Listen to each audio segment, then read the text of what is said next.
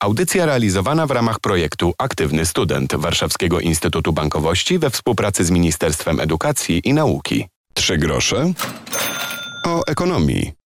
Piotr Topoliński, dzień dobry. Warto rozwijać swoje kompetencje, chodzić na kursy, czytać książki, uczestniczyć w różnego rodzaju konferencjach naukowych. To wszyscy słuchacze naszej audycji wiedzą, bo rozmawialiśmy w ostatnich tygodniach o tym, jak być aktywnym studentem. Myślę, że dobrym podsumowaniem, ale i zachętą do tego, by nie przestawać, by nie stać w miejscu, lecz się rozwijać, będzie to, o czym będziemy rozmawiać dziś, bo zajrzymy za kulisy Kongresu Gospodarki Elektronicznej i rozmawiać będziemy o tym, jak zmienia się gospodarka i co my możemy robić w tym momencie, by przypadkiem nie zostać w tyle. Wyzwania dla świata nauki w obliczu potrzeby wzrostu kompetencji cyfrowych to hasło jednej z debat i tutaj już widzimy pewne wyzwania, które dzieją się na naszych oczach. Profesor Katarzyna Profesor Krystyna Polańska z Zakładu Gospodarki Cyfrowej w Instytucie Informatyki i Gospodarki Cyfrowej Szkoły Głównej Handlowej w Warszawie zwraca uwagę na jedną z kompetencji, którą jest zarządzanie zmianą. W momencie, kiedy jest wprowadzana jakaś innowacja w przedsiębiorstwie, umiejętne przeprowadzenie zespołu przez właśnie tą zmianę jest kluczowe.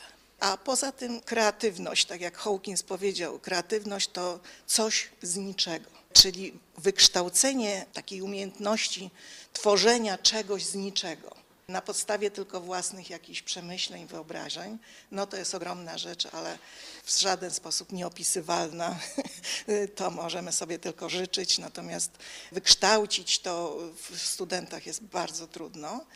Umiejętność pracy w grupie. Teraz już nie ma samotnych wilków. Dzisiaj umiejętność pracy w grupie, dopełniania właśnie własnych możliwości, kompetencji, tak żeby ta grupa była różnorodna, a nie jednorodna, bo w jednorodnej to tylko się pokłócą, natomiast w różnorodnej i jak najbardziej są jakieś świeże pomysły. Moi studenci się strasznie burzą i bardzo często pytają, czy oni na przykład projekt mogą zrobić samodzielnie. No ja zawsze odpowiadam, no, no jak bardzo muszą, to proszę, ale ze sobą się jest trudno pokłócić.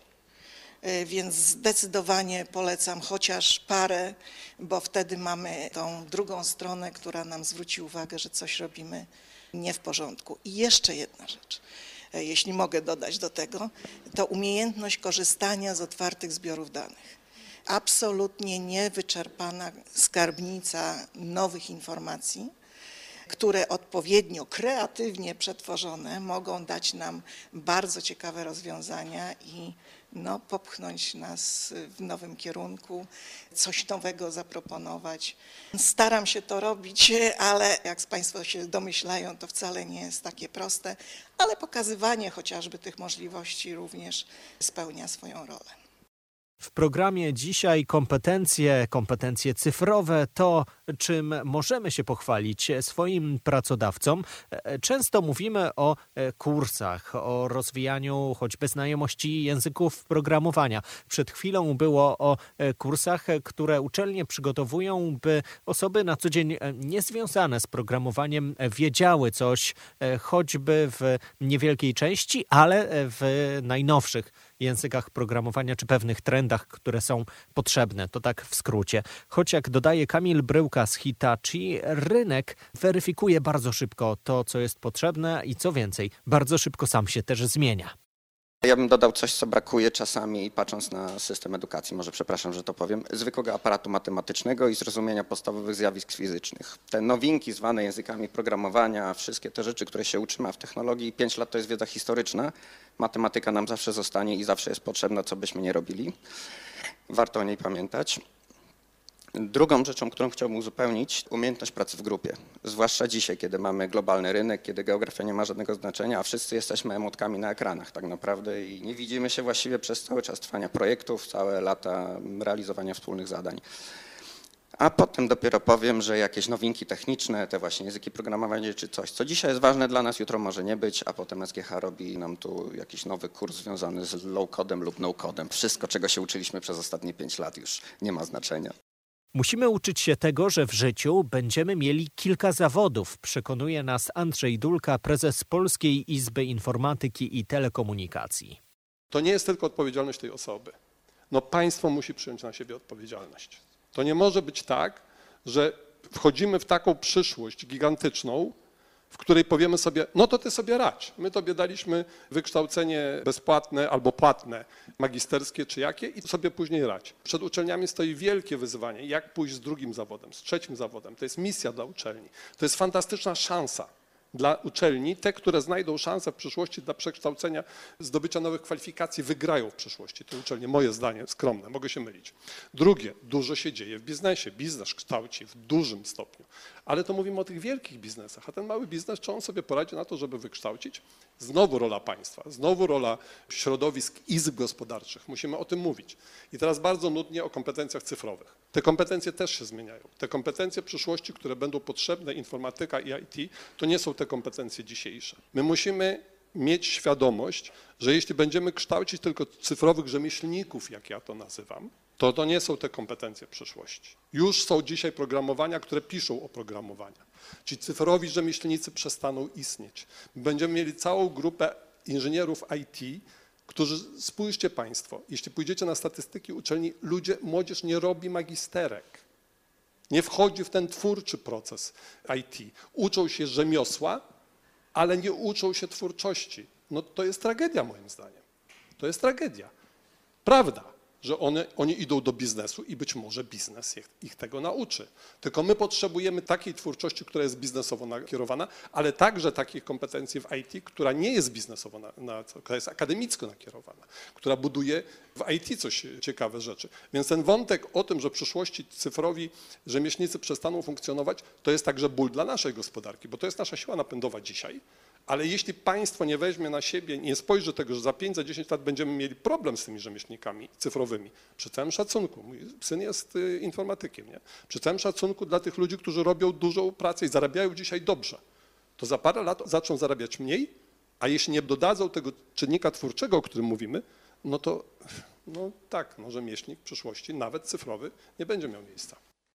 W audycji dzisiaj zmieniająca się gospodarka, ta, która podlega różnego rodzaju procesom, takim jak cyfryzacja. Ostatnie dwa lata pokazały bardzo wiele w tej dziedzinie, choć jak zaznacza Izabela Banaś z Polskiej Agencji Rozwoju Przedsiębiorczości, nie wszyscy chcą uczestniczyć w procesie nowocześniania.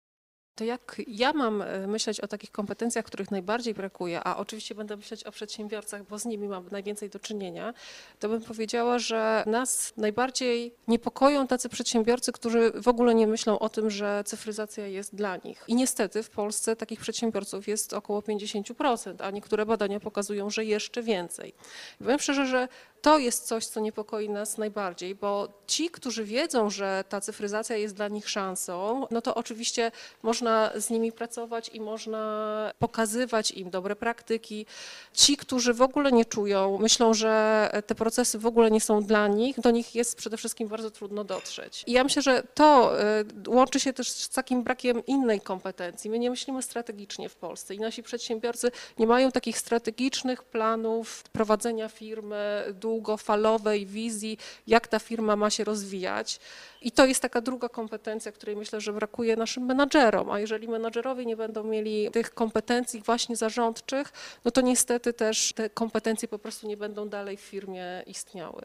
Musi istnieć ten aktor, któremu te kompetencje cyfrowe na rynku są potrzebne i być może, tak jak pani mówi, te polskie przedsiębiorstwa wytwarzają trochę za mało tej siły ssania, która będzie powodowała, że system na przykład edukacyjny, czy w ogóle system usług publicznych będzie zmuszony do tego, żeby te kompetencje wytwarzać szybciej i bardziej wydajnie. A te słowa podsumowania to profesor Renata Włoch z Uniwersytetu Warszawskiego. Cała debata pod hasłem Wyzwania dla świata nauki w obliczu potrzeby wzrostu kompetencji cyfrowych po wpisaniu choćby w YouTubie hasła Kongres Gospodarki Elektronicznej. Trzy grosze o ekonomii, tak nazywa się nasza audycja i tak nazywa się podcast. Warto z tego podcastu korzystać, słuchać, nadrabiać pewne być może zaległości gospodarcze, tym bardziej, że rozmawialiśmy sporo o rynku pracy, o tym, kto będzie potrzebny na rynku pracy. Było trochę o pracodawcach zmieniających się nieco i o płacach, e, choćby w branży farmaceutycznej. To jedna z ostatnich rozmów. Zachęcam do obserwowania i słuchania. Piotr Topuliński, trzymajcie się. Audycja realizowana w ramach projektu Aktywny Student Warszawskiego Instytutu Bankowości we współpracy z Ministerstwem Edukacji i Nauki.